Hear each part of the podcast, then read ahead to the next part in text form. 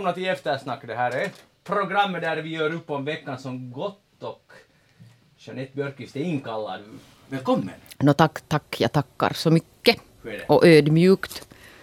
Och lyckligt. Har du noterat att idag har de utlovat höga UV-nivåer? Du ska inte vara i solen för mycket idag. Nej men det är väl jättetur för att nu sitter jag ju här inne i en bunker i Böle. Ja. Bättre för hyn, Ja. Ja. Och hälsan. Exakt. Och sen har vi faktiskt kallat in från Nykarleby Elli Flen. Välkommen med. Kommunikationskonsulten Elli Flen. Välkommen med. Tack från en bunker i Jeppis. Ja, hur går det där? Det går jättebra. Skiner solen också i Österbotten? Oh ja. Fantastiskt. Det var ju bra. Det där, har du hunnit vara i solen det här, den här säsongen? Nej, tyvärr. Eller, eller tyvärr, det är på ett sätt inte tyvärr för jag, jag har haft så mycket jobb. Så jag har bara fått arbeta, arbeta och arbeta. Ja, det blev ett uppsving där kanske. För kommunikationskonsulterna. Men Ja, faktiskt när man satsar på kriskommunikation så det har behövts hjälp med det i, i vår. utmärkt. Vi ska tala om eh, det ädla yrket kommunikation, kommunikationskonsult om en liten stund, men först talar vi om några andra grejer. Jag heter Magnus Lundén, program alltså Eftersnack. Vi ska tala om veckan som gått och jag vill börja med att säga en bitter sak. Att idag, eller egentligen imorgon, skulle jag ju då ha varit i Köpenhamn. Aj jo. Ja, och du skulle ha dragit det programmet utan mig. Jag skulle ha ringt in från Köping och sagt åh, åh vet du, Huhkajat och eller vad de heter, Uvarna, eller vad det nu blir på svenska. Och, det där, och du skulle ha varit jätteavundsjuk och jag skulle ha varit där med min familj och Finland skulle sen ha vunnit, chocka Danmark och vunnit och allt skulle varit bra. Men så gick det inte. Nej. Har du något tröstord, tröstans ord åt mig? Det där... eh, hur är det alltså så där helt praktiskt? För att ska det nu inte spelas på nytt nästa år? Ja, om ett år. Men är det så att de här biljetterna till exempel nu flyttas på något sätt sen? Ja, Det är liksom den- att det identiska programmet flyttar framåt. För att då har du ju någonting att se fram emot. Precis, och den ideella föreningen Uefa har meddelat att, att, det, att, att det gäller, att biljetten tog det gälla också nästa år. Så det, om de inte gäller blir man ju lite sur, men de gäller nog. Ja, men då har du ju någonting att se fram emot. Tänk, annars skulle det ha varit förbi ikväll. Det är sant. Eller, eller imorgon Ja. skulle matchen ha varit. Elli, äh, sörjer du att det inte blir något EM i fotboll i år? Nej, men, men jag sörjer nu det att jag nu inser att jag missade att jag skulle haft en chans att köra ett eftersnack på Tumis med Nette.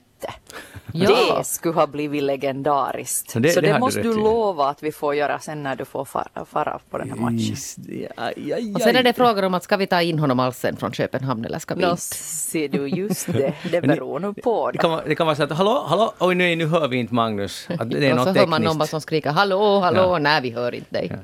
Nåja, hej, Palmemordet. Ja, Palmemordet. Jeanette, jag Ni tittar vänta. väl på veckans brott, sen specialsändning på kvällen också. Så tittar ni förstås alltså, antar jag, utgår jag ifrån, direkt sända presskonferensen från början till slut. Jag vill först säga en sak att, så att lyssnarna förstår att nu har vi nu tar Jeanette över det här programmet och det är de följande 50, vad blir det, tre minuterna blir det Palmemordet. Så varsågod Jeanette. Men kan ni svara nu att ni tittar väl på den nej, direkt? faktiskt inte. Och, jag är glad med tanke på hur en antiklimax det på ett sätt blev. Jo, Ingen blev alltså mordvapen. jätte- nej, det blev jätteantiklimax för att de hade ju alltså trummat ut redan i våras så här att det fanns alltså starka spekulationer på att det skulle ha funnits ett vapen. Eller åtminstone alltså någon ny teknisk bevisning och det var ju därför alltså de här förväntningarna på att den här gåtan skulle få en lösning var så jättehöga för att den här åklagaren hade alltså då gjort lite reklam. Nå, så, så satt jag på då alltså som alla andra, eller jättemånga andra, och tittade på den här presskonferensen. Och så väntar man, och man väntar, och man väntar. Och det kom aldrig alltså. Det Men vad kom sa aldrig. de där då? Men alltså, de gick igenom de här, alltså för det första gick de igenom den här Palmeutredningen eh, och sen började de gå igenom den här, den här så kallade Skandia-mannens, alltså den här hypotesen om att det var han som. Och så satt man och väntade, men att när kommer den här alltså stora avslöjande? Att när berättar de till exempel att de hade lyckats matcha de här kulorna med ett vapen som han har haft. Men det, det fanns alltså ingenting. Alltså det vad de gjorde, att de har pusslat ihop alltså från den här extremt megalomaniskt stora alltså gamla utredningen så har de pusslat ihop på nytt alltså ett, ett pussel. Och, och en ganska avgörande alltså sak där var, de hade ju, det fanns ingen alltså teknisk bevisning, de hade helt enkelt alltså inte lyckats, det går inte mer, det är 34 år sedan det här hände.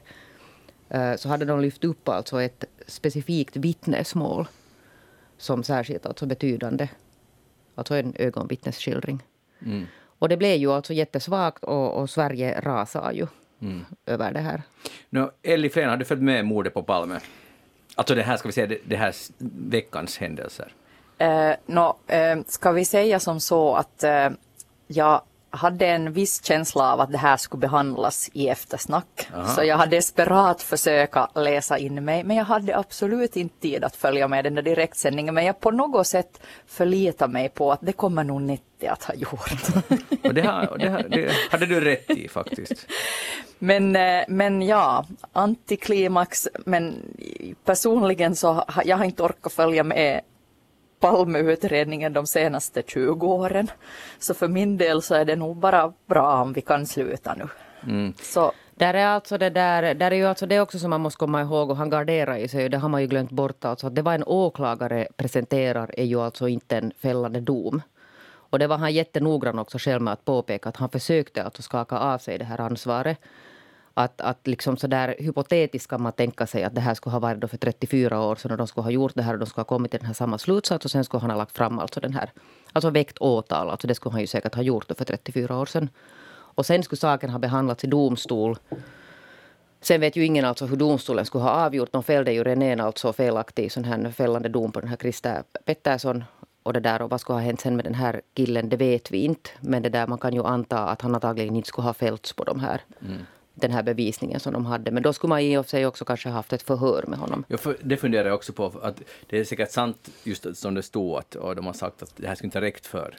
Men det som du sa nu om förhör, det är ju den där viktiga grejen att han ska måste bevisa var han varit de där 20 minuterna som är helt försvunna liksom och, och varför och han var på väg på resa nästa dag. Och det, och det, det är ju lite sådana grejer som att det låter mystiskt men det kan ju också finnas helt logiska förklaringar. Kanske han var sån som jobbade sent kvällen innan han ska få på Ja, no, han lär så ju nog ha varit alltså en speciell person och de hade ju alltså den här veckans brott som ni ju alltså då naturligtvis också tittar direkt där på kvällen. Så hade de ju alltså en psykolog också som, som analyserade hans beteende alltså efteråt för han var ju framme alltså i olika sammanhang. Han var lite hjälte där också. Han var lite hjälte och sen var han lite antihjälte och, och, det där. Sen var han lite kränkt över att det liksom kablades ut alltså i, i något skede sådana signalement på den här gärningsmannen som på något sätt påminde om honom. Att, att någonting mystiskt var där ju med den här killen. Ja. Och det är alltså inte alls uteslutet att det var han. Det kan man ju inte säga, men det vet vi alltså. Man kan inte alltså med säkerhet säga.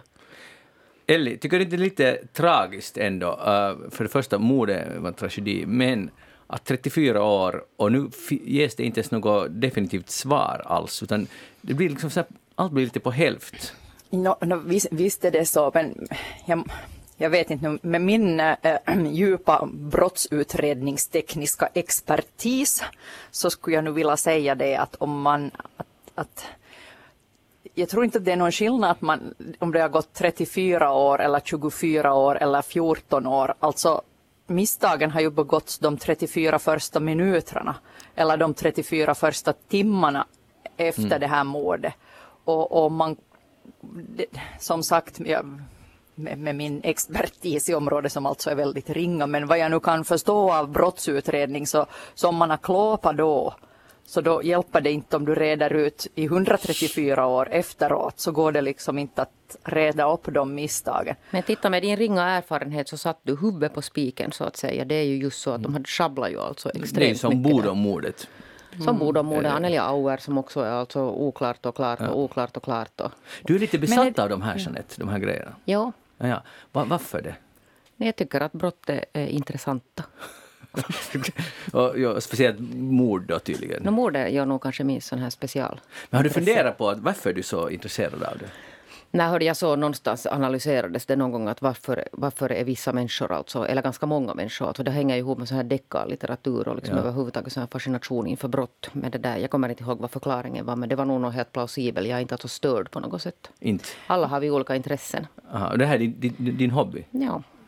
Eller det är som- du besatt av mord? Nej, jag är inte besatt, men det som, det som i alla fall inte på samma nivå som Nette, men, men, men det som gör ju det här då, det, just Palmemordet förstås eh, i en helt annan kategori jämfört med de andra som, som här räknades upp är ju det att det var ett mord på, på, på en statsminister i en, i en fridfull, eh, annars eh, lu- lugn och fredlig stat som Sverige. Och, och, och så jag förstår ju nog det där nationella trauma och det hade ju varit jätteviktigt att få upprätt det där mordet, alltså därför att det ska inte, man ska inte kunna gå och ta livet av, av ministrar i Norden ostraffat. Och, ja, sen är det väl det att det där, mm. det blir ju också någon sån här liksom prestigefråga att man har hållit på nu i 34 år. Att hur ser det mm. alltså ut utåt? Att ett land som Sverige inte lyckas alltså lösa den här frågan. Ja. Och det såg det ju ut alltså redan ett år senare för att man inte hade lyckats få någon. Sen förstår ni att, att, vilken bild får man av, av det här? En ganska dålig bild faktiskt. Och sen är det ju förbluffande att det faktiskt är så att, att jag tycker bara som fenomen att det är inte löst, att ingen har kommit fram, jag vet vem det var, eller i alla fall inte någon vi känner till. Eh, filter har ju på, tidningen Filter sa ju redan för var det ett eller två år sedan, det är helt säkert Skandiamannen, deras eh, undersökning hade pekat på det. Och jag läste artikeln, den var ganska väldigt trovärdig nog. Men ändå att, att, det, har, att, det, att det är möjligt att mörda en statsminister, som du sa Eli, i, i, i Sverige, och det blir aldrig löst. Och på öppen gata. Alltså, nu är det ju Men man måste komma ihåg alltså att det här har hänt alltså 1986 att vilken alltså teknik man till exempel har haft tillgång till, så det såg ju helt annorlunda ut. Alltså mm. Det är mm. mycket möjligt att skulle det här ha hänt idag så skulle man kunna få alltså till exempel DNA-spår, alla möjliga sådana här övervakningskamera, alltså bilder. Men sånt här fanns det ju alltså mm. inte då. Så det har ju varit alltså under andra förutsättningar man har Sant. börjat utreda det här. Mm. Vi, går, vi går vidare. Elli Flen, kommunikationskonsult. Du har lyssnat på, säkert på senaste eftersnack där filosofen Joel Backström, som för, förresten jag tror fyller 50 år just idag. Grattis Joel! Ja, grattis Joel! Grattis! Det där, no, hur som helst, eh, det blev en uh, eldig debatt där vi diskuterade kommunikationskonsulten uh, som yrke. Och med tanke på det också att det var det här Kulmuni-caset när hon avgick här i det var stiligt av henne att välja just eftersnack sändningstid att avgå. Var det inte? Ja, det var helt där i inledningen, ja. att hon inte rådde till andra tidtabeller. Men hon vet ju att alla centerlyssnare också lyssnar på, centerröstare också lyssnar, lyssnar på eftersnack, så inte var det så konstigt i och för sig. Men äh, Elli, hur, du har lyssnat på Joel, Joel var jättesur på kommunikationskonsulter för att ni, ni är lite som ni tar emot vilket jobb som helst och förvränger budskapet, skapar soundbites och det där och så vidare. Har du någon kommentar till det här? ja, så här på hans födelsedag. Ja, låt komma. Ja, ja, no, det här, ska vi nu säga som så att, att jag vet inte, jag måste vara ärlig och säga att jag vet inte exakt vad, vad Joel gör för, för brödfödan men jag skulle inte kanske i nationell riksradio i direktsändning våga mig på att göra en så skarp analys över vad filosofer håller på med som han gjorde över kommunikationskonsulterna.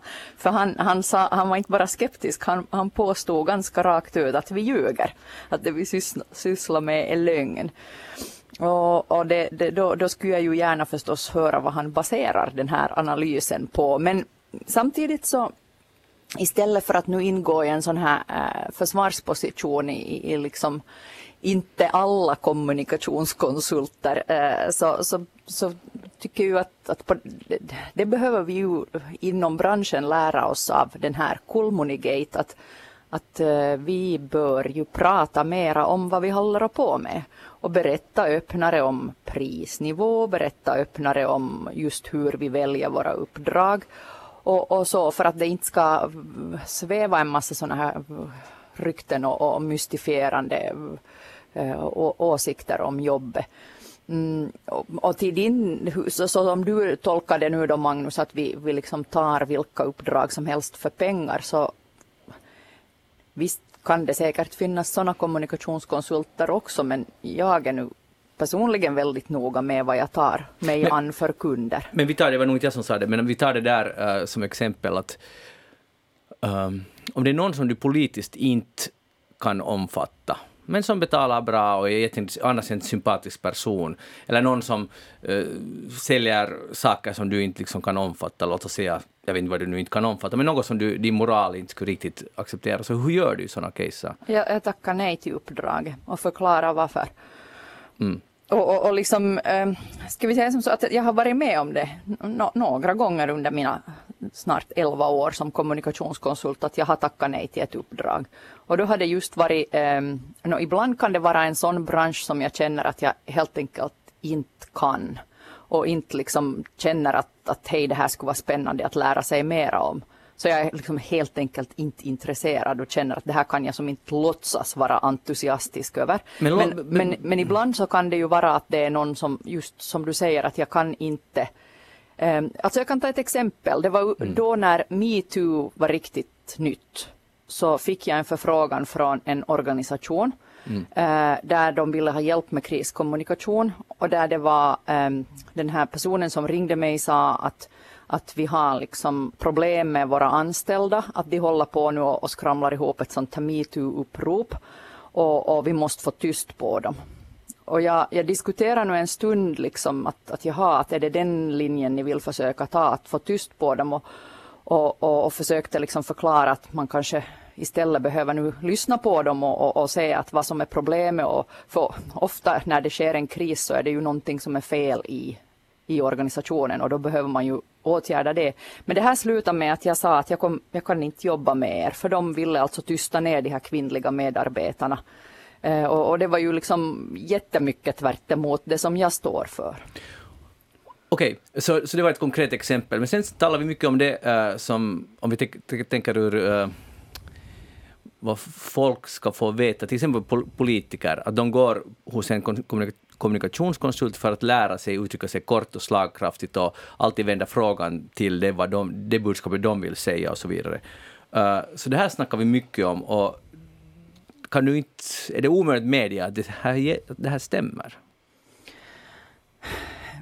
Alltså, jag skulle säga vill, alltså ingen vill ju lyssna på någon som inte svarar på frågan. Nej, no, exakt, det var ju det och, och, poängen. Och jag vill inte lyssna på det, det är inte bra för demokratin, det är inte bra för debatten och, och jag vill inte lära någon att göra det och jag vet inte om jag skulle kunna lära någon att göra det heller. Utan snarare så handlar det, alltså det jag försöker göra eh, om jag jobbar med, med, med, med sådana som är i en, sån, liksom, en politisk position eller så, är ju att, att hur kan jag, för, för det handlar ju ofta om invecklade processer som är på hälft och, och, och, det är mycket där och man kan inte förklara allt i ett soundbite på 30 sekunder. Men hur kan man förklara varför jag inte kan berätta det här nu? Och hur kan man förklara att varför, varför just den här detaljen inte kan förklaras nu istället för att liksom gå runt det. Och jag menar, alla mår bättre av att politiker pratar så att folk begriper. Mm, ja, men, men, ofta, alltså, tyvärr så det där låter ju jättebra men det är ju inte alltid riktigt ändå på det där sättet. Jag förstår ju det. För om, det man blir... inte vill, om man inte vill tycka att det är bra så är det ju inte bra. men det blir ju ofta så att att det blir färdigt tuggad, tuggade sådana här budskap som är just det som de vill säga. Och det blir så, just tvärt vad du påstod så blir det ju ofta så att de svarar, det svaras inte på frågan utan det svaras på någon annan fråga. Men en skicklig journalist ska ju genomskåda det. Exakt, och det är ett problem. och jag är... tänker att jag, jag, jobbar mer med andra människor än, än med politiker faktiskt. Så, så om jag tänker att, att jag jobbar med ingenjörer, jag jobbar med akademiker, jag jobbar med läkare, jag jobbar med poliser, jag jobbar med soldater. Um, som, tänk nu liksom en ingenjör som har väldigt, väldigt djup kunskap om någon specifik sak. Och, och, och, och så ska, det, det handlar ju ofta om att jag ska försöka hjälpa dem att prata om den här väldigt specifika saken på ett sådant sätt att vanligt folk begriper vad de säger. Och de mm. använder fackterminologi, de använder förkortningar, de liksom nördar ner sig i något långt resonemang som ingen begriper varför det här är viktigt. Och då är det liksom mitt jobb att söka fram att vad är det som är viktigt i den här grejen och vad intresserar den breda allmänheten? Hur kan vi, hur kan vi säga det här och så ingjuta hopp i den här människan så att kom igen nu, du kan nog och du blir inte dum. Din expertis blir inte mindre fast du förklarar det här på ett enkelt sätt. Mm. Och det, det, handlar mycket mer om sånt i, i mitt fall än att trimma politiker faktiskt. Ja, jag förstår. Så ni, du, ni gör en god ni hjälper människor att prata. Vi, vi får, vi, vi Men får, får jag säga ännu en sak no. om det där med, med politiken också, no. för, för där är det också det att jag har, jag har ju partibok och mm. har en egen liksom, äh, bakgrund i, inom SFP. Så det har jag också åt uppdragsgivare som har hört av sig och frågat efter en offert så har jag också varit noga med att berätta det. Och det har också hänt någon gång att någon har sen sagt att mm, kanske vi inte ska jobba tillsammans för att det har visat sig att de har haft tydlig profilering åt, åt andra hållet. Och då har det inte varit, handlat om det att inte jag skulle kunna sympatisera med det, men jag har velat öppet berätta att nu har jag kopplingar till SFP. Mm. Är du okej okay med det eller skulle du kanske liksom vilja Okay. Om inte det är ett problem. Jag, jag förstår, men om, om, vi nu tar det här hela caset Kulmuni, så vem var det som failade här? Och vad är nu din analys? Vad, vad är det som gick helt åt fanders och ur Kulmunis liksom, synvinkel? Jag skulle nog efterlysa den där kommunikationskonsultens ansvar. Jag menar, det företaget har ju vetat vart de har skickat räkningen. Ja. Och, och då måste man ju kunna, kunna vinkla träningen så att det är anpassat till den som betalar. Det har jag också varit med om. När jag har, har mediatränat en person som sen bad att skulle vi kunna också träna på ett tal som hen ska hålla i ett politiskt sammanhang. Och jag har sagt att nej, nej, stopp, stopp, att nu måste vi tänka efter här att den här träningen betalar din arbetsgivare. Och då kanske det inte är så lämpligt att vi tränar det här. Så var var konsultens ansvar? Mm.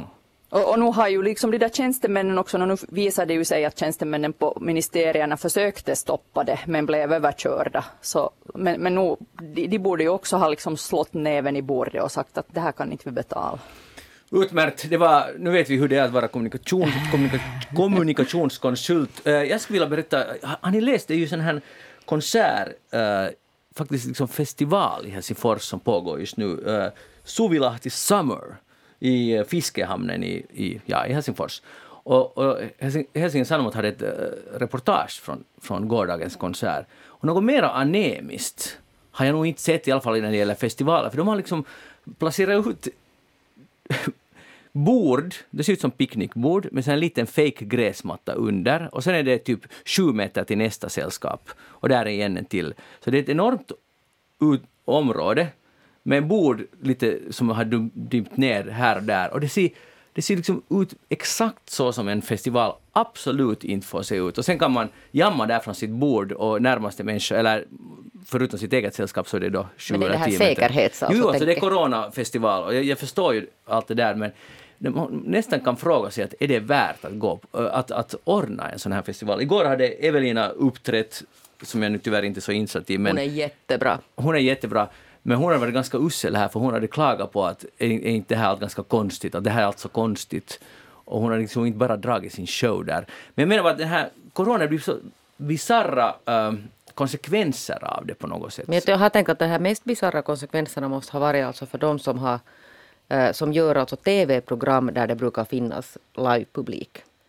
Som mm. alltså i många sammanhang är alltså jätte, jätteviktigt. Att det finns alltså en live-publik som på något sätt reagerar och du interagerar. Det har ju alltså sänts nu i sådana här tomma, nå till exempel i Åbo, Logomo, någon sån här musiktävlingar där det inte är en själ alltså i den här stora alltså, salen. Så det måste ju vara otroligt märkvärdigt för artister att uppträda inför ja. liksom en totalt tom jättestor sal. Ja, för man behöver den där återkopplingen. Det är klart med. man behöver alltså återkopplingen. Hej, um, då hoppar jag vidare. Twitter. Uh, på tal om, det har ju varit mycket, det är mycket snack om Kina nu, speciellt Donald Trump vill tala om Kina och det... Och då vill du också. Och då vill jag också, men det här handlar nu inte alls om honom utan att, att bara det kommer en här liten nyhet att, att Twitter har nu här helt nyligen plockat bort 170 000 konton som uh, kastar ut kinesisk propaganda som är liksom mot Hongkong, självbestämmande och, och lite covid-19-grejer eh, och sen om Black Lives Matter så att det ska skapa lite mer oro. Och, och, så där, och det här håller de på och hundra, alltså bara att fundera, alltså vilken maskineri. Och ingen hade kunnat förutse, förutspå det här tycker jag i alla så här framtida visioner, att hur, hur går det till, hur går propagandan till? Men det här kunde, jag har inte sett någon skildring att ja, det, det kommer vi, ske via så sociala medier. Just att tro, trollfabriker och sånt. Ja, någon, att, man, att man är anställd för nu har det alltid funnits propagandamaskinerier och sånt, men att, att folk sitter där och skapar, och de, och de har noterat de här uh, de, flesta av de här tweetsen kommer under kinesisk arbetstid, 9 till 17, och sen är det under helgen lite lugnare med propagandan. För att de jobbar, det är deras jobb, helt enkelt. Det där, uh, så där, har, där skulle det finnas jobb för kommunikation, kommunikationskonsulten eh, Elli, om du skulle styra upp den kinesiska ledningen. Men, men, är du förvånad? Jag menar Jessica Aro, journalisten, Yle-journalisten, mm. skrev ju om det här trollfabriken för flera år, i, i, i Sankt Petersburg för flera, flera år sedan. Jo, jo, vi har talat om det i eftersnack många mm. gånger. Jo, men jag menar bara att den här omfattningen är ganska, den är ju ännu mycket större än det ryska, alltså, ja. eller så verkar det i alla fall. och, och och där är ju, Twitter syns inte alls, alltså man kan inte använda det i Kina, så det här är riktat till kineser som bor utanför Kina. Det där. Men sen finns ett Zoom som vi nu alla har måste stifta bekantskap med den här våren. Så de har gjort en riktigt böjt sig för att de skulle ha lite snack här. Det har ju varit årsdag för Himmelska fridens torg, eh, var det 1989, ni minns massakern där i alla fall. Så, så var det vissa aktivister i Kina som ville ha ett Zoom-möte, men då sa kine, kinesiska myndigheten till Zoom att i, inte låta de här ha sitt möte. Så Zoom bara avbröt samtalet. Och, mm. nu, nu, och, och kontot togs bort, så nu kan de inte mera snacka. Att, och vad jag menar att, att, att ett amerikanskt bolag böjer sig så där är inte så hemskt imponerande. Passa dig, nu hör du Magnus, vi tittar på varandra genom Skype. Tänk om de ja, Fast vi ser inte dig Ellie, du har någonting framför din kamera. Ja, det, Nej, det, inte har jag heller. Det är jag någonting... ser jag lite suddig. Vad är det som har hänt där? Nåja, men tänk om vi blir utslängda för att vi har... Tänk om någon vissa... där hörde nog har ockuperat ja, din dator. Det, det är nog det som har hänt. Nu. Där är du. Ja. Hej, äh, Suomen perustar den här tankesmedjan i, i oh, no. Sannfinland. De har ja. ju släppt ut en sån här en publikation och nu har kultur och undervisnings, undervisningsministeriet blivit lite sura på den här. Och, uh, den heter då Totus Kiihotta och Jukka Hankamäki har skrivit den och det handlar helt enkelt om kvinnans tyranni och, och socialiseringen av sexualitet. Bland annat det som har citerats mycket, att uh, finländska kvinnor hämnas på det finländska samhället genom att då para ihop sig med utländska män. Vad, vad säger du om det här? Stämmer jo, sen alltså att, att inte så att säga ge, som man sa i Borgo. Ja, tack. För ja. att det där på något sätt ta makt åt sig ja. gentemot männen. Vad ska jag säga om, om vad säger du? Stämmer, men är det här sant? Det som, det som står i den här tankesmedjans no, alltså det där, varken det eller det mesta andra. Jag har inte alltså läst den här, de tog ju bort den sen och den finns säkert att finna på, på nätet om man vill liksom förkovra sig. Var det 400 sidor tror jag.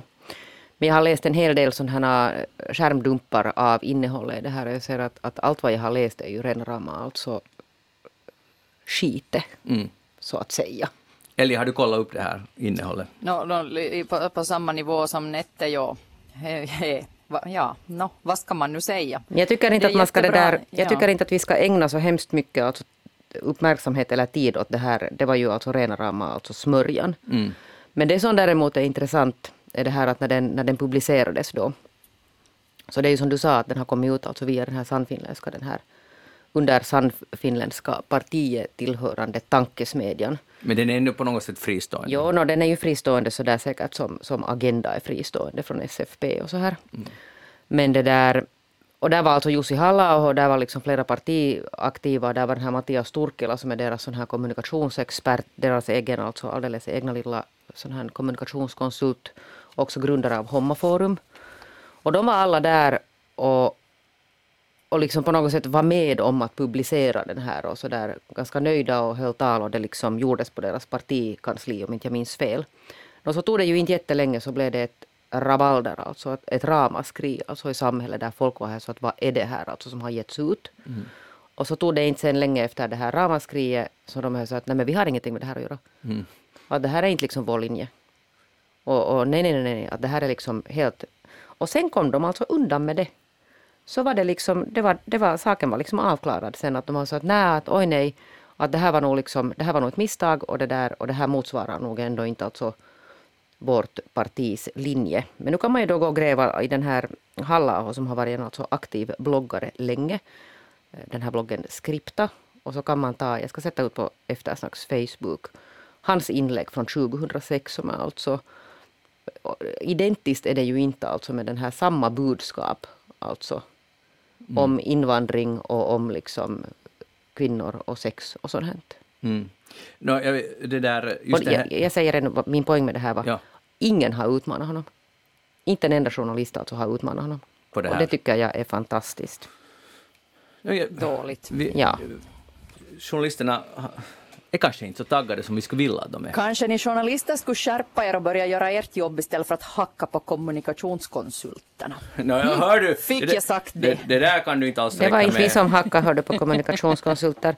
Och dessutom det där så tycker jag också att det, det där, det är helt sant. Alltså jag tycker faktiskt det där så där och kollegiets vägnar att man det där skulle kunna vara kanske piku lite mera alltså det där. Vad tror du det beror på? Börjar man bara liksom inte orka mera? Eller vad, jag vet inte alltså det, där, men jag tror att det finns alltså något visst mått. Alltså, nu kan jag ju inte tala, jag gör alltså faktiskt tyvärr nu andra saker än det där dagspolitik eftersom jag det där är frilans. Men det där, jag tror att det finns alltså något visst, där, någonstans underliggande tror jag att det finns en rädsla. För att de är ganska bitska de här. Att, att, att sen när man liksom lite, lite det där liksom på något sätt kritiserar eller någonting så de är ju alltså ganska anhängarna i alla fall, och sen kan ju den här partiledningen säga att de från, frånsäger sig allt ansvar. Men anhängarna är ju liksom, kan vara alltså no, jättejobbiga. Mm. Mm.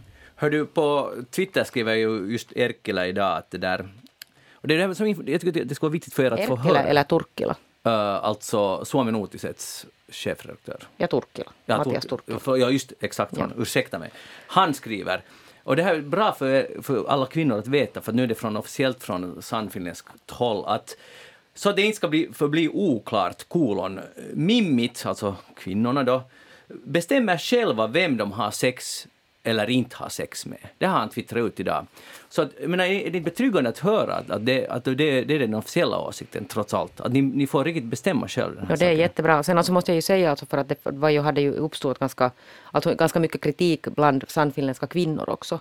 Mm. Som, inte, som undrar att vad är det här liksom som kommer ut här nu via den här tankesmedjan. Och de hade ju varit i kontakt alltså till exempel med den här Kiki Eloma och var ganska olyckliga. Så mm. att det var säkert till dem det här riktades, att det var inte liksom nu.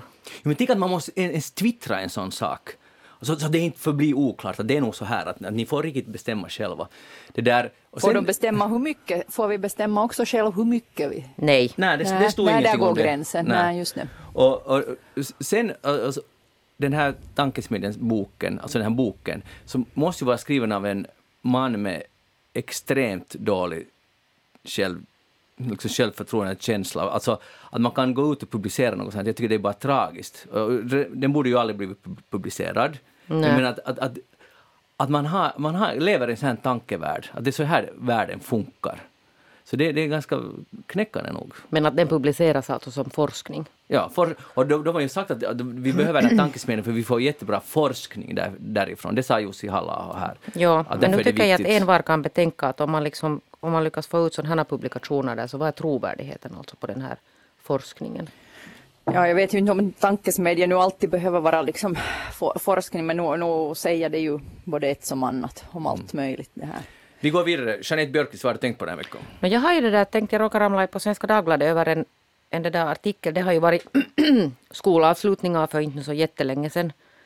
Och, det där, och jag tror att, att det där, vårt barn är för litet, men jag vet att det finns alltså uh, äldre barns föräldrar som sen alltså vill belöna barn för goda betyg. Mm.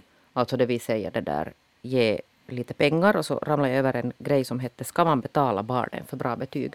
Jag vet inte om ni har alltså Magnus, du har så pass stora Fyrka, barn. det skulle ge pengar? Ja. Nej, no, men en, alltså... en, en, en, sommarpresent kan jag bra tänka mig att okay, ge. Jag vet att det finns alltså familjer som sen sådär att om, om barnen kommer hem med, med bra betyg så kan man få något sånt att du får, liksom, att du får 20 euro för vet du en nia. Inte, jag vet inte alltså ja, alls de här summorna ja. men sådär hypotetiskt till exempel och 30 euro för en tia och sånt. Ja. Och det där, då frågar man sig då att är det det där, att är det bra att betala? Och, och många tror ju att det är det. Men nu visar det sig att det finns sån här forskning som visar att, att det är inte alls bra. Tvärtom så kan det alltså vara hämmande och det där tar koll på alltså ett duktigt, duktigt barns motivation till exempel att få belöning för Aha, goda betyg. No, därför för att, no, särskilt alltså duktiga barn, alltså sådana med, säg till exempel läsa. Att ett barn som är jätteivrigt att läsa, så det gör det alltså ändå utan, utan belöning. Mm. om det är ett barn som har svårt att läsa så har det gjorts forskning som visar att, att det som alltså leder till, till bättre resultat om man nu på något sätt vill belöna barnet är att man alltså belönar den här processen. Alltså det vill säga medan det gör någonting. En euro liksom per sen, dag eller vad menar du? No, inte vet jag, vet du, jag har ju inte, alltså, jag, vi sysslar inte med sånt här och inte kommer vi att syssla med sånt här heller, att man, att man det där betalar. Hör du, inte, man, man vet aldrig. Nej, jag vet, jag, jo, jag vet, jag vet. Nej, men alltså det där, jag, jag, jag, tror, jag tror också på sån här, en sommarpresent eller något sånt här. Här kan jag inflika med empiriska studier. För, ja. för det här, vi hade ju, jag, jag vikarierade ju lite som lågstadierektor här under våren av förekommen anledning. Ja, när det var coronarektor. Ja. Coronarektor, ja. Och, och, och, jag har en sjuåring som tycker att det inte alls är intressant att läsa. Och, och så hade de en sån här en kvart om dagen projekt, jag vet inte om alla skolor kanske har det, att de skulle läsa ur en bok då, en, en 15 minuter om dagen. Och för, för den här ifrågavarande sjuåringen så var det 15 minuter var alltså, det var oändligt långt. Och vi sträta och han hade lejdon och efter fem minuter så var han alltid beredd att sluta och han orkade inte och han tyckte det var jobbigt och han hade svårt att koncentrera sig. Och då införde rektor Flen ett sådant system att när vi hade läst i 15 minuter så då tog vi var sin chokladbit. Och det, det funkar fint hos oss och det var både mamma och sonen behövde den där chokladbiten då vi hade avklarat den där 15 minuter. Så jag tror på den där, eh, det, låter vettigt det här just att belöna processen och, och, och kanske inte fokusera på på resultat. Men hurdan choko var det och hur stor bit? En bit vit choko som inte jag annars tycker om själv men det tycker sonen om.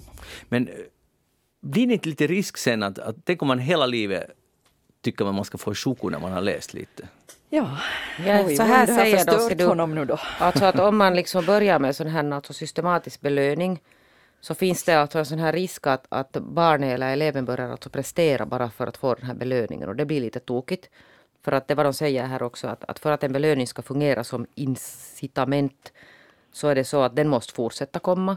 Alltså att har du en gång börjat så måste du alltså fortsätta. Där hör du Ellie. Och sen alltså att den behöver hela tiden öka för ah, att vara alltså motiverande. Exakt. Så du börjar ah. på en chokobit och snart är du uppe, alltså snart, är du jättesnart uppe sen i en hel platta. Ja. Och, och varifrån vidare sen där då? Sablar. Så det, det, var nog tur att min karriär, det var nog tur att min karriär som lågstadierektor avslutades här nu då. Men medge att nu har det blivit mindre läst nu när du inte har viftat med chokon, eller hur? När du inte har varit rektor.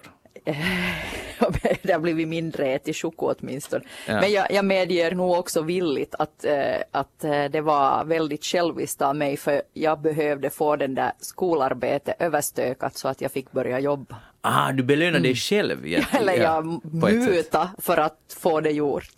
En klassisk mutsituation. Mm. Bra. Och, no, tänker du när uh, barnen blir äldre och det kommer fina betyg eller inte så fina betyg, så tänker du vifta med fyrkorna då?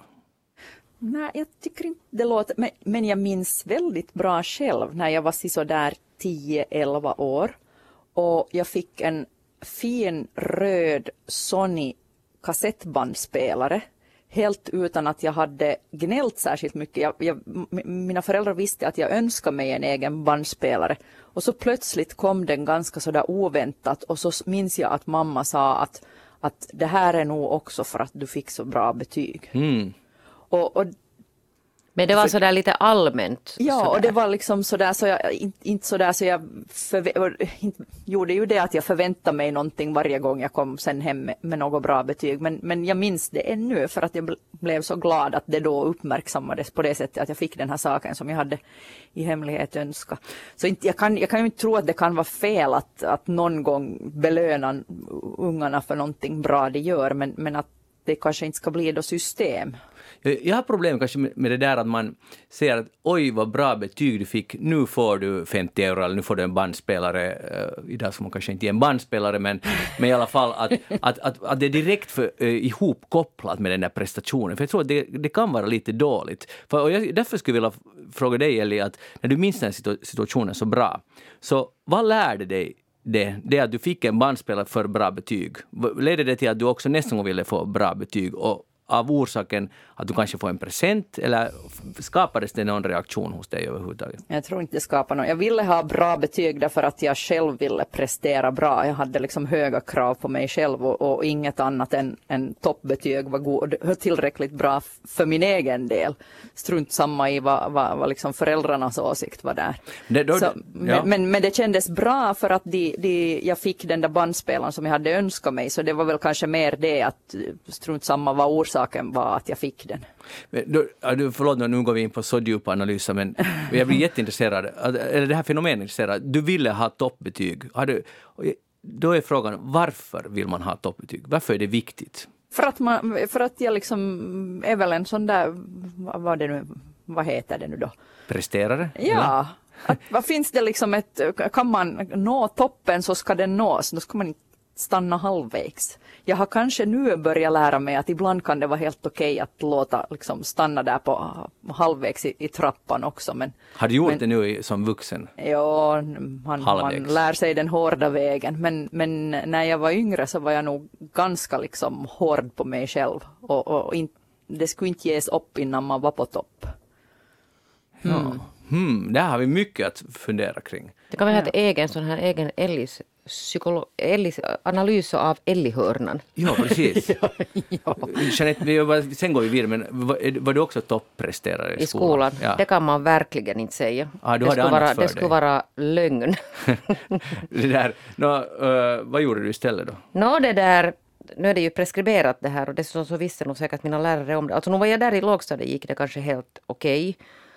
Eh, för jag hade mycket bra lärare. Och sen kom jag till, jag var alltså en sån här, en sån här unge, jag älskar alltså modersmål. Det var det bästa jag visste när man fick de här uppgiftsböckerna. Så jag gick hem och så gjorde jag varje gång, alltså hela året, så alltså uppgiftsböcker, fuff, på en kväll.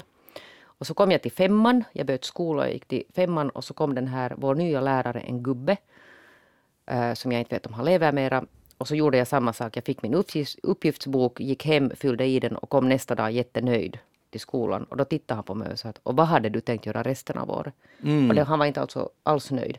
Och där tappade jag alltså. For I den stunden tappade jag alltså sådär ganska mycket intresse för skolan. Men det, där, jag, det gick ju helt bra för mig alltså i skolan ändå. Men sen när jag blev äldre så var jag nog kanske en hel del någon annanstans än i skolan också. Du skolkade? Nå, jag hade andra saker. Jag började sen jobba och, och det där sånt. här. Det skulle nog vara roligt att se en tonåring Jeanette. Nej, jag tror inte alls att du skulle ha tyckt att det var roligt. Men jag blir ändå lite nyfiken. Hej, Elli Flen, vad har du tänkt på den här veckan? Nu hör du med risk för att jag, jag återvänder till den diskussionen som vi hade här om de här Sannfinlanden, för det tycks vara många som har haft nu då åsikter om, om kvinnors sexuella hälsa och, och, och hur kvinnor ska vara, för vi hade en, en alldeles egen Ja. dylik skandal här i Österbotten i, i, i helgen.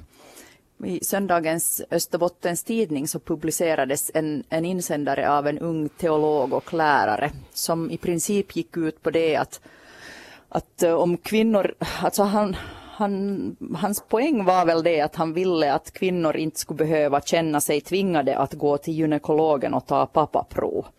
Och, och, och då vore det alltså bättre om vi skulle hålla oss från att ha sex så länge vi kan, så då, då är det inte risk att vi får det här liksom, um, papillomviruset som vi kan få livmodercancer av. Och så jämförde han då alltså um, gynekologbesök jämställde han i princip med, eh, med övergrepp.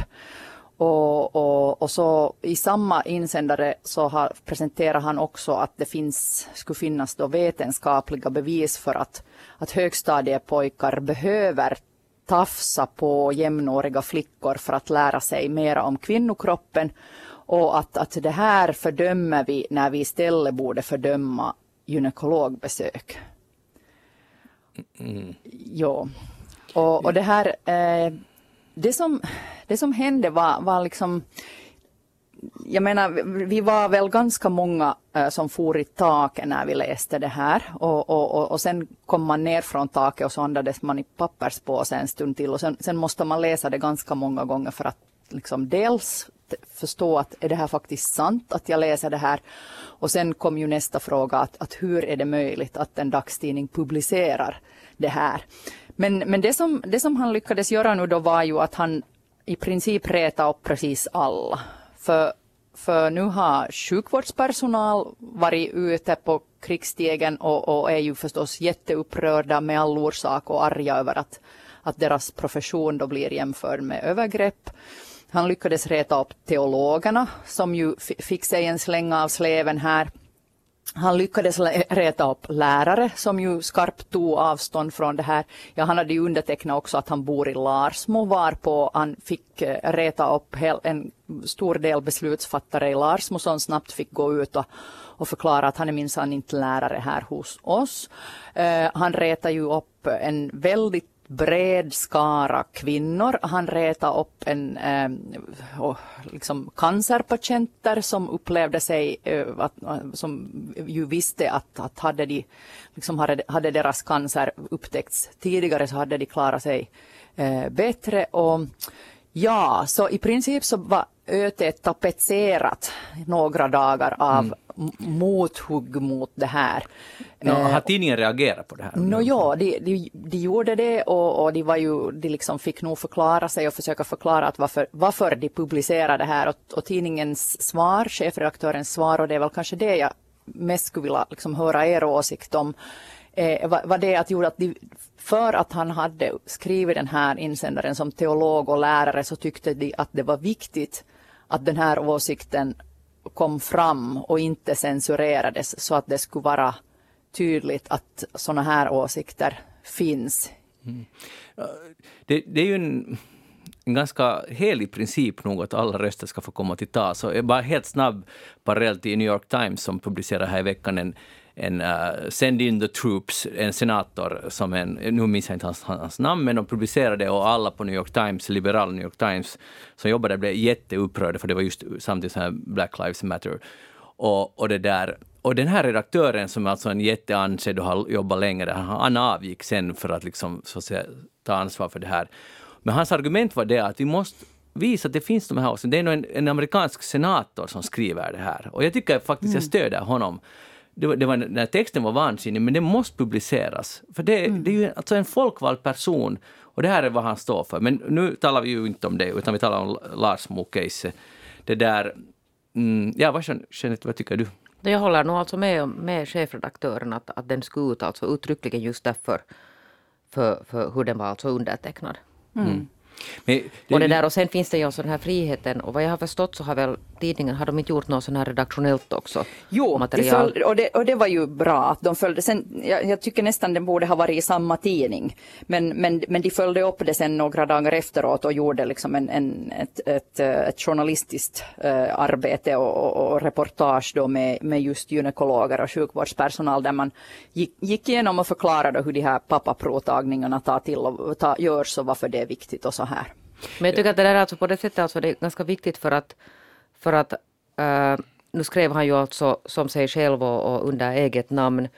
Men det är nog helt möjligt att han är ingalunda kanske den enda någonstans som, som tänker så här och på det sättet får man ju alltså upp en sån här ganska problematisk, eller inte ganska utan jätteproblematiskt synsätt ja. liksom ventilerat och sen kan man alltså ta i det då redaktionellt plus alltså erbjuda, det har väl varit ganska häftig debatt där och det har publicerats mycket insändare.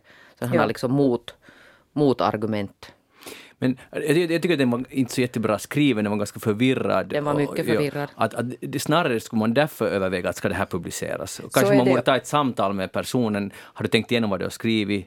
Står, är allt okej? Okay? Alltså, något sånt skulle man kanske före. För det, kan, det, det, är just ja. den, den aspekten som jag funderar på också. Nu var han ju faktiskt inte då anställd, vad jag kan förstå så är han inte anställd som lärare någonstans. Utan personen är ganska ung och, och, och liksom ja, kanske inte riktigt och låt nu vara om man har de här åsikterna, men det är ju stor skillnad om en senator eller ska vi säga en, en fastanställd lärare skulle ha de här åsikterna. Då, då skulle det ju vara all orsak att, att ställa till med, med, med verkligt himlaliv. Men, men nu var det ju en ganska ung och ganska oerfaren person som skrev det. Men som ändå är alltså aktiv till exempel ja. på sociala medier och är det så att han är har han en egen blogg eller är han alltså medverkar han i någon blogg? Ja, så långt har Hur jag gammal? Inte. Ja, no, det vet vi inte, alltså under 30. Ja, ja. ja. Men alltså ändå, alltså, nu är det en helig princip och det är det att, att fast man blir upprörd över någons åsikter så de försvinner inte bara för att man är upprörd över dem och inte vill se dem i sin egen favoritblaska. Alltså det, det är ganska viktigt ändå, och nu säger jag inte den här specifika insändaren, men, men som en generell äh, regel så är det bra att, ja, det, att, att, att, det publiceras i ett brett perspektiv. Jo, jo, men, sen finns det förstås alltså den här att, att konsekvenserna, alltså att att man kan inte alltid, alltså, om man är ung eller inte ens när man är äldre, alltså förutse konsekvenserna av att alltså, gå ut i offentligheten. Mm. Och, men, och, jag förstår att han har väl själv också försökt sen lite förklara att, att det var nu inte riktigt att, att någonting blev nu kanske lite tokigt formulerat där. Ja, men jag tänker bara att ÖT har alldeles nyligen, alltså alldeles nyligen eh, gått ut och förklarat att nu har de avslutat debatten om, om, eh, om homosexualitet som ju har, har liksom väckt jättemycket känslor. Där just väldigt konservativa, väldigt religiösa kretsar har, har tillåtits publicera då insändare som har, har förklarat att homosexualitet är synd och, och, och varför, och massa argument då, religiösa argument för varför, varför det inte är rätt och varför det inte är naturligt. Och, och den diskussionen har ÖT då eh, meddelat att den här är färdig, att nu kommer de inte mera att publicera insändare med det här innehållet.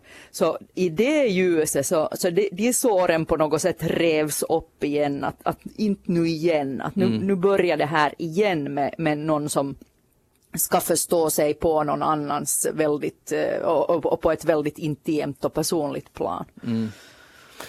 Men den här alltså debatten om homosexualitet har ju nog pågått där alltså i åratal och där har varit sådana överslag att där kan Ja. man ju redan dra alltså in grundlagen och säga att nu räcker det här att det är liksom kränkande för det är liksom kränkande helt enkelt för, Ja. för homosexuella. Att man ska inte behöva alltså ta, ta del av några sådana här åsikter. I alla fall inte i en tidning. Precis. Hej, eh, vi, vi går vidare. Använder du Ellie Flen, har du en, gräs, en egen gräsmatta? Ja, Aha. Har du vattnat den nu senaste tiden? nej. Okej, jag vet du inte bor i Korsholm, men jag läste att Vattentjänstverket i Korsholm gick på torsdagen ut med en uppmaning till sina kunder att undvika att vattna gräsmattor och trädgårdsland så att vattnet ska räcka till för alla. Och så Men inte, trädgårdsland vattnar jag. Ja, just det. Och det där, eh, nu säger jag då, eh, någon som jobbar där säger, Allan Heir säger att det råder ju inget direkt förbud mot att vattna gräsmattan, utan det är en uppmaning att undvika onödigt vattnande som vi går ut med. Och jag börjar fundera på hur många människor sysslar man med onödigt vattnande? Att nu ska, jag, nu ska jag göra onödigt vattnande av mitt trädgårdsland. Eller är det, så, är det normalt i Österbotten man gör så? Nej, men eh, det var ju kanske lite olyckligt formulerat, men, men jag förstår ju poängen om man har dåligt med vatten, eh, så, så då, då, då kan det ju vara nödvändigt att göra så här, men, men då, då kanske man kan, hmm, ja, precis. Ja. Hellre vattna människor än en gräsmatta. Men, Men- men, eh, trädgårdslandet så vattnar jag nog tills någon förbjuder mig för, för har, man, har man sått sina grönsaker och de inte får vatten i, i, just i det här känsliga skedet när småplantorna ska orka, orka växa till sig så då, och, och få längre rötter så då, då blir det inte några grönsaker. Alltså, då- och du, du menar att det är inte onödigt vattnande? Nej, men gräsmattan tänker jag inte äta så det kan jag ju då räkna som onödigt på det sättet. Ah, där går gränsen. Utmärkt. Hej, tycker ni om ägg som är hårdkokta eh, eller sådär, vad heter det? Löskok. Löskokta. Eller någonting mittemellan. Ja, vilken- någonting mittemellan. Det- Någonting det- mittemellan. Aha. För jag läser nu att forskarna är... De vet inte vad som händer med ett ägg som kokar riktigt länge. Det här alltså, jag läste en artikel, en seriös artikel, för det var någon, en läsare som undrade att vad händer med ett ägg som kokar, vet ni, i forever? Och, och, och, och de har kommit fram till att man inte riktigt vet svaret. Det kan ta timmar, rent av år, att koka det där ägget så att det liksom kollapsar och spricker och allt rinner ut och då blir det en soppa till slut. Men, Ja, men, då men måste man är stå inte och fylla- säkra på Men det då måste man ju stå och fylla på vatten för att det där vattnet kokar ju bort sen i något skede. Jag, tänkte att jag, har, jag har forskat i det här för jag har kokat och det, det börjar bränna. Fast, det, de bränner fast i kastrullen till slut. Du, du, du kan höra av dig till universitetet som Nej, men hon det här. glömde sig att sätta vatten med. Jag menar, po- Jag ponera då att man står och fyller på vatten och Ja. fyller på vatten och fyller på vatten. Det är liksom tanken att om det där vattnet hela tiden finns där och Det här är ju kokar. nog en faktiskt alltså jätteviktig fråga. Det känner jag att vi borde få ett svar Men på. för jag blev lite ny, för jag tänkte det, Det är klart du blev. Du blev med ditt rostbröd. Ja, men, men vet du, det finns saker som inte ännu har ett svar. Att, vad händer med Jag tänker en ägget? så enkel sak alltså. Ja, men alltså, då, för de, de spekulerar att det kan vara att man måste koka det i något, några år, det där ägget. Det är ju en hisnande tanke. Att någon skulle ha ett ägg och puttra Men på spisen. alltså- På tal om onödig energikonsumtion. Men alltså, men alltså, men alltså det där... Mm, ett ägg har ju ett bäst före-datum och det blir väl inte längre av att man kokar det. Jag menar kokta ägg ruttnar ju också i något skede. Mm. Att kan man liksom, skulle det här ägget hålla alltså längre för att man kokar det hela tiden? Det, det, det, ruttnar, det måste ju ruttna på något sätt. Eller kan det ruttna om det är hett vatten omkring det? Ja, ja se, du, du märker Ja. att inte det här är någon trivial fråga alls. Eh, Så Elli, uh, fundera på saken med det här ägget alltså. Ja, okej. Bra, utmärkt. Sen, Testa det där, du som har ett stort hus. jag har en annan, Det går eh, bättre att koka ägg i stora hus. en annan viktig nyhet. Har någon av er någonsin haft en papegoja? Nej. Nej. Aha. För nu har också forskarna de har publicerat en tidning som heter The Journal Sci- Scientific Reports, heter tidningen. Och där har man studerat papegojor som lever hos människor och papegojor på något sätt ute i vilda naturen. Och nu har de kommit fram till, tvärt emot vad många har trott, att papegojor som lever med människor är inte alls smartare än papegojor som lever ute i, fri, i det fria. Man har trott att de blir, vet du, vår otroliga intelligens smittar av sig på papegojor, men det är inte alls så. Att papegojor som har levat med människor, de är lika dajuga eller lika smarta som naturen. De, och de har testat, de har gett papegojorna olika så här kluriga uppgifter. att komma igenom en labyrint och, och, man måste hacka någonstans för att någonting ska öppnas så får man en god bit och så vidare. De klarar sig inte alls bättre de här tama papegojorna. Ja, men sen är det också att hur, hur mäter man då intelligens på alltså en papegoja? Är det intelligent om man kan gå genom en labyrint? No, men det är problemlösning. Eller om man kan, no, ja, problem, men alltså hur löser till exempel vilda papegojor löser säkert alltså problem i naturen med sin existens på ett helt annat sätt än någon som har suttit inne i en bur hela livet. Ja, du menar att, att vilda papegojorna egentligen är smartare än de här? Ja. Ja, det, det, det, kan vara att de inte alls funderade. De, ville, de trodde ju att... Att mänskliga liksom på något sätt gåtor är det som man mäter intelligens Ja, plus att vår... Det, jag skulle säga det är så här... Um, Homo sapiens hybris lite. Att, ja. att, att, att, vi är så smarta, nu hade vi lite spilt ner till papegojorna också. Men det, det, är inte så. Ellie, så tänker du skaffa en papegoja nu med den här kunskapen? Nej, men jag har en kompis som hade en papegoja som lät som en telefon. För det, det, det, lyssn det lyssnar på telefonen och lärt sig härma det ringljud. Ah, själva ringljudet? ja. Ah, ja. Ja, nu är de ju smarta djur, inte kan man säga annat. Ja, det, men det är de ju säkert. Men jag har inga sådana person, alltså du känner inga känslor för fåglar överhuvudtaget sådär Va? inomhus, undulater eller något sånt. Ja, no, alltså de sitter där i buren, inte det är något lätt liv. Nej. Nej. Hej, eftersnack börjar vara slut för idag, men jag vill påpeka några viktiga saker. Nästa fredag har vi eftersnacks midsommarspecial i två timmar från klockan 15.03 till 17.00 och där har vi Rico Eklund och Pia-Maria Lehtola, förutom en viss Jeanette Björkqvist. Och Magnus Lundén. Ja, det, jag är också med faktiskt. Och det blir helt kanon. Fira midsommar med oss, drick Retsina. Kom ihåg att köpa Retsina om ni, om ni tycker om Retsina och annars också. Så kom ihåg det. Och sen har vi nattsnack den 17 juli från klockan 22 till 02. Då får eh, härliga lyssnare ringa in. Vi återkommer till det. Jeanette Björkqvist, tack för att du var med idag. Tack. Ja, tack, där kom det. Och Elli Flen, tack för att du var med här idag. Tack, ha det så bra. Detsamma. Jag heter Magnus Lundén, eftersnacket är slut för idag. Vi hörs igen om en vecka på midsommarafton. Hej då, ha det bra.